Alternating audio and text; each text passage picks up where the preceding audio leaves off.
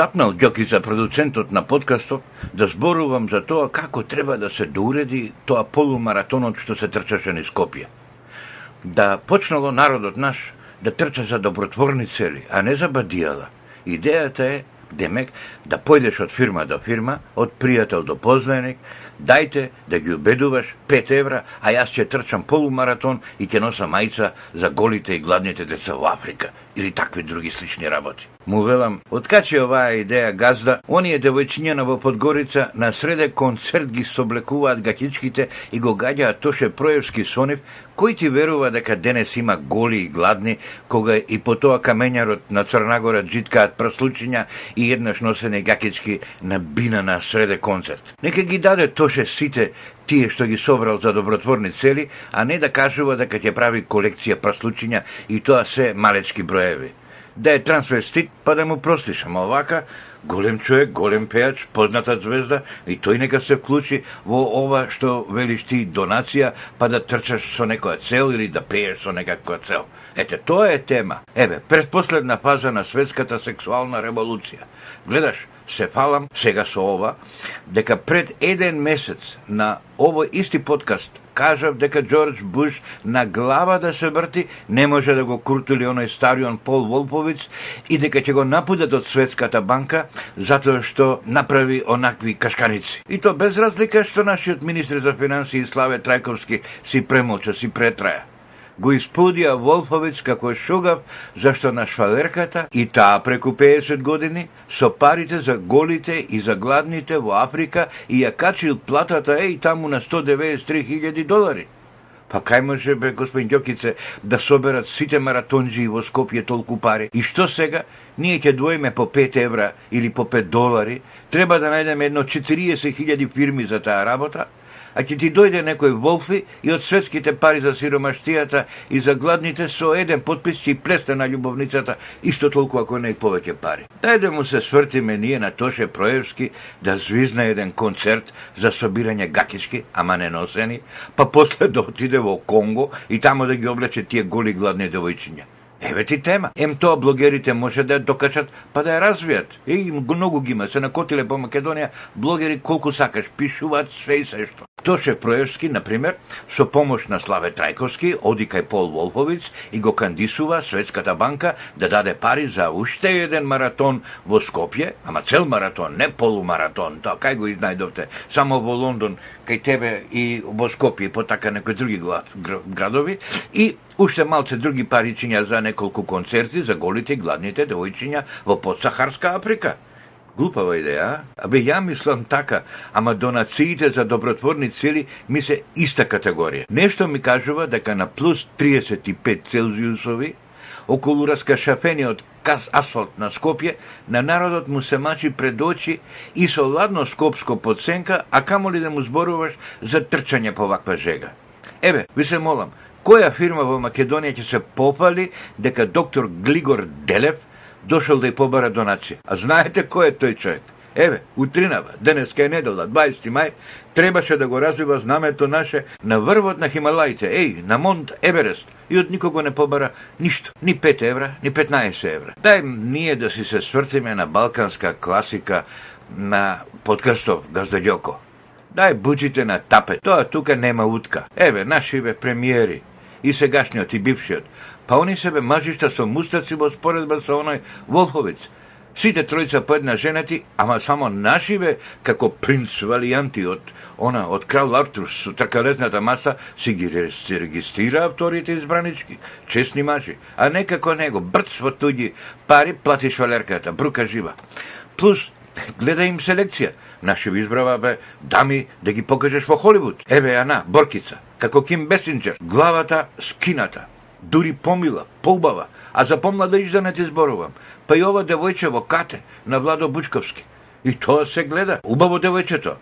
Веднаш ќе познаеш дека знае господин професорот што да одбере. Миньонче. А мој ти Волфовец, што не гледа на нашите? Джабе, джабе ли му го пративме кум Зоки, тамо вице-премиерот во Светска банка, да научи нешто умно, како се одбира, да речеме, нова сопруга, а не па батаклаци. Вчера, завчера, читам и слушам дека нашиот премиер Никола Груевски отишел во Приштина на Муабет кај Агим Чеку, кога на Косово го третират исто како премиер на територијата, а во Србија како воен злосторник. Агим Чеку беше некогаш капетан во ЈНА, а потоа се префрли во Хрватска и тамо девет пати го одликуваа за храброст, за лична негова храброст во акции против Србија. Стана дури генерал-майор на Хрватската армија, соожедни со Далматинка од Задар, како наш Благојче Евтимов од Охрид. И сега овој Агим Чеку го води Косово кон самостојност. Јас да ви кажам, Не знам кој го тепал по уста Груевски во Приштина да каже дека Македонија го поддржува планот на Мартија Актисари за статусот и иднината на Косово. Ама некој тоа ќе мора да го стори. Зашто инаку таков подарок бамба диела да му се даде кому и дае, не, не е ред. Кој за Агим Чеку лично, ајде да, да, да го разберам, ама човекот не го заслужува треба да замоли убаво, треба да направи Али Ахмети да се прибере, да се пристои, да си оди у собрание, како што си е ред на работа, да гласа, да зборува, да дискутира и така натаму, а не само да се кара да оди по Брисел да вика не миграт и така натаму. Треба не само да каже, туку и да напише, ама и да подпише еден убав добрососедски ферман, па овака ќе работиме, па овака ќе биде, па овака границите, па овака заработката и дури после да стане збор за ахтисари и признавање на самостојност или што и да е. Јас не знам дали на вистина Димче Беловски, тој беше една голема клечка тамо кај нас амбасадор во Вашингтон, по Канада, по, по Обединетите нации, реко дека по овој лупинг во Приштина, тој го пратил, тој би го пратил Никола Груевски назад во банка да брои пари на шалтер. Јас не верувам дека човекот така ќе каже, зашто е од негован дипломат. Тој има поузбав речник, така да зборам. Тој Штипјанец беше прв кој го критикуваше југословенското, така да речам, гратис признавање на грчко-кипарската страна, утредента по една така натегната ситуација. Беловски велеше, абе остави ги да дојдат, да се замолат учтиво за подршка, да ја ценат таа подршка, ако и кога ќе ја добијат, да разберат дека треба да возвратат со нешто, а не така забадијала, ние сме со вас после ќе те лајат секако. Е, и сега ова наше во Сокосова ме подсеќава на тоа југословенското, на тоа бивше југословенското со Кипар. Никога што Стропцето не знаеше или не сакаше соодветно да возврати за таква една галантна акција од, од таа белградска страна. Абе, да каде е сега оној Николас Брнс да дотрча, да му каже, браво господин Груевски, толку конструктивен потек направи со предвремено признавање на Косово, што Америка од денес ја третира Македонија како членка на НАТО, иако не е. Ете, така е ред, да ти кажат браво. А овака, гледам, никој ни збор. Затоа велам, некој морало да го тепа по уста премиерот, за да го каже она што го кажа во Приштина. Еве, сите се сведоци, се гледа какви зелени текви кине и оној Тито Петковски, коалиционен партнер на Никола. Може би тој да има некое влијание тропа дека Русија немала соодветна политика спрема Македонија. Русија не правела ова. Русија не инвестирала кај нас. Русите кренале раце од нас и така натаму и така нава. Па русите слепили се или глуви? Тие среде Москва на кондоленца Рајци кажуваат дека планот на Марк Ахтисари не чини пет пари и не може да помине во Советот за безбедност, кај што имаат во рацете Джокер, што се вика вето, пляси ќе го удрат нама се и нема актисари, а Николче Груевски во име на Македонија, без причина, два дена од како си отиде код Олец Рајс од Москва по Парена, вели дека планот на Актисари е супер и дека ќе го помине, ќе го поминат овие стручњациве од Вашингтон во Обединетите нации. Демек Путин не знае што зборува. Па како тоа ви се молам? Па тоа не е, не е саглам политика, господин Тито Петковски. Како тоа ти кажи на Русија, ајде беге, вие не знаете ништо, ние да знаеме све и после чекаш да соработуваат со тебе. Некет. А има ли некој да му ги пушти подкастиве на Никола нашиот премиер. Таман, минатиот пат му рекол хубаво дека нема, ама баш никаква потреба да брза. Дека треба да ја нагази топката, да прави преглед игра, да се седи мадро да удри една светска турнеја, да обиколи македонската диаспора во Австралија, во Канада, низ Америка, по, за, по Западна Европа. Нека прошета бркица така на кобожем свадбено патување, ствари да работи за државава. А тој кај ќе отиде у Приштина? Па барем во Белград да отидеше истиот ден, да им каже на луѓето дека еве сега у Македонија ќе се свири нова плоча. Како ви кажа тоа? Нова плоча, нова плоча, е ќе каже така, стана ме бутна. Оне Бернс ме бутна, други, трети, Тито и другите и се мора така да каже малце у Приштина, немој да се љутите, дај да си работиме ние арно и не е ред да дознаваат луѓето од вестници. Него не се прави со така со стари соседи. Отиди у Приштина заборави, као да го нема Белград. Ова ич не ме ареса како шо оди, ама тоа му е. Се ми е срав дека нешто е загубено во преведувањето меѓу двајцата политичари што зборува во Приштина. Мислам меѓу Агим Чеку и Никола Груевски. Мислам дека Агим Чеку повеќе врти на кај тисучама, а Никола Груевски на кај хилјадама. Па тоа нешто за кое тие мислат дека се доразбрале, за другите е се уште мала загадка. Но така е на Балканот. Но, јас сум навекнат ќе ни пратат стручњаците од Вашингтон, дешифранти, па сите, кај да е, ќе разбереме за што станува збор. Кога сум кај јазиците на меѓусебното комуницирање и разбирање меѓу соседите и другите поодалечни народи низ големија широк свет, напросто мора да ви кажам дека нешто особено интересно се случува по тоа што би го нарекле шпански села на Дуњава. Ние сме обседнати со овие наши балкански комуникации, те албански, македонски, те говори српски да те цел свет разуме, запета и зарез, точка и тачка. Дотури им ги уште бугарскиот, грчкиот и наводно угнетуваниот влашки јазик и пак нема да се соберат 3-40 милиони корисници. А во Картахена, на карибската страна на Колумбија, Пролетва се одржа четвртиот меѓународен конгрес на шпанскиот јазик со учество на 22 академии на науки на шпанско-фонски земји на светот. На плоштадот хаос, 2000 полицајци, 200.000 маса свет, во салата шефот на државата, шпанското кралско семелство, Бил Клинтон, тој самиот за себе рече дека е последниот американски председател кој не зборува шпански, а во меѓународот публика како сакаш. Сите паѓаат во делириум и врескаат Габо, Габо, кога на бината се појавува Габриел Гарсија Маркез, сега со обелен бушав мустак, да го одбележат заедно неговиот 80-ти роден ден, 40 годишнината од јубевувањето на неговиот бестселер 100 години усаменост и 25 годишнината од Нобеловата награда за литература. Шпанската кралска академија на јазикот по тој повод му ја издаде дефинитивната верзија на романот.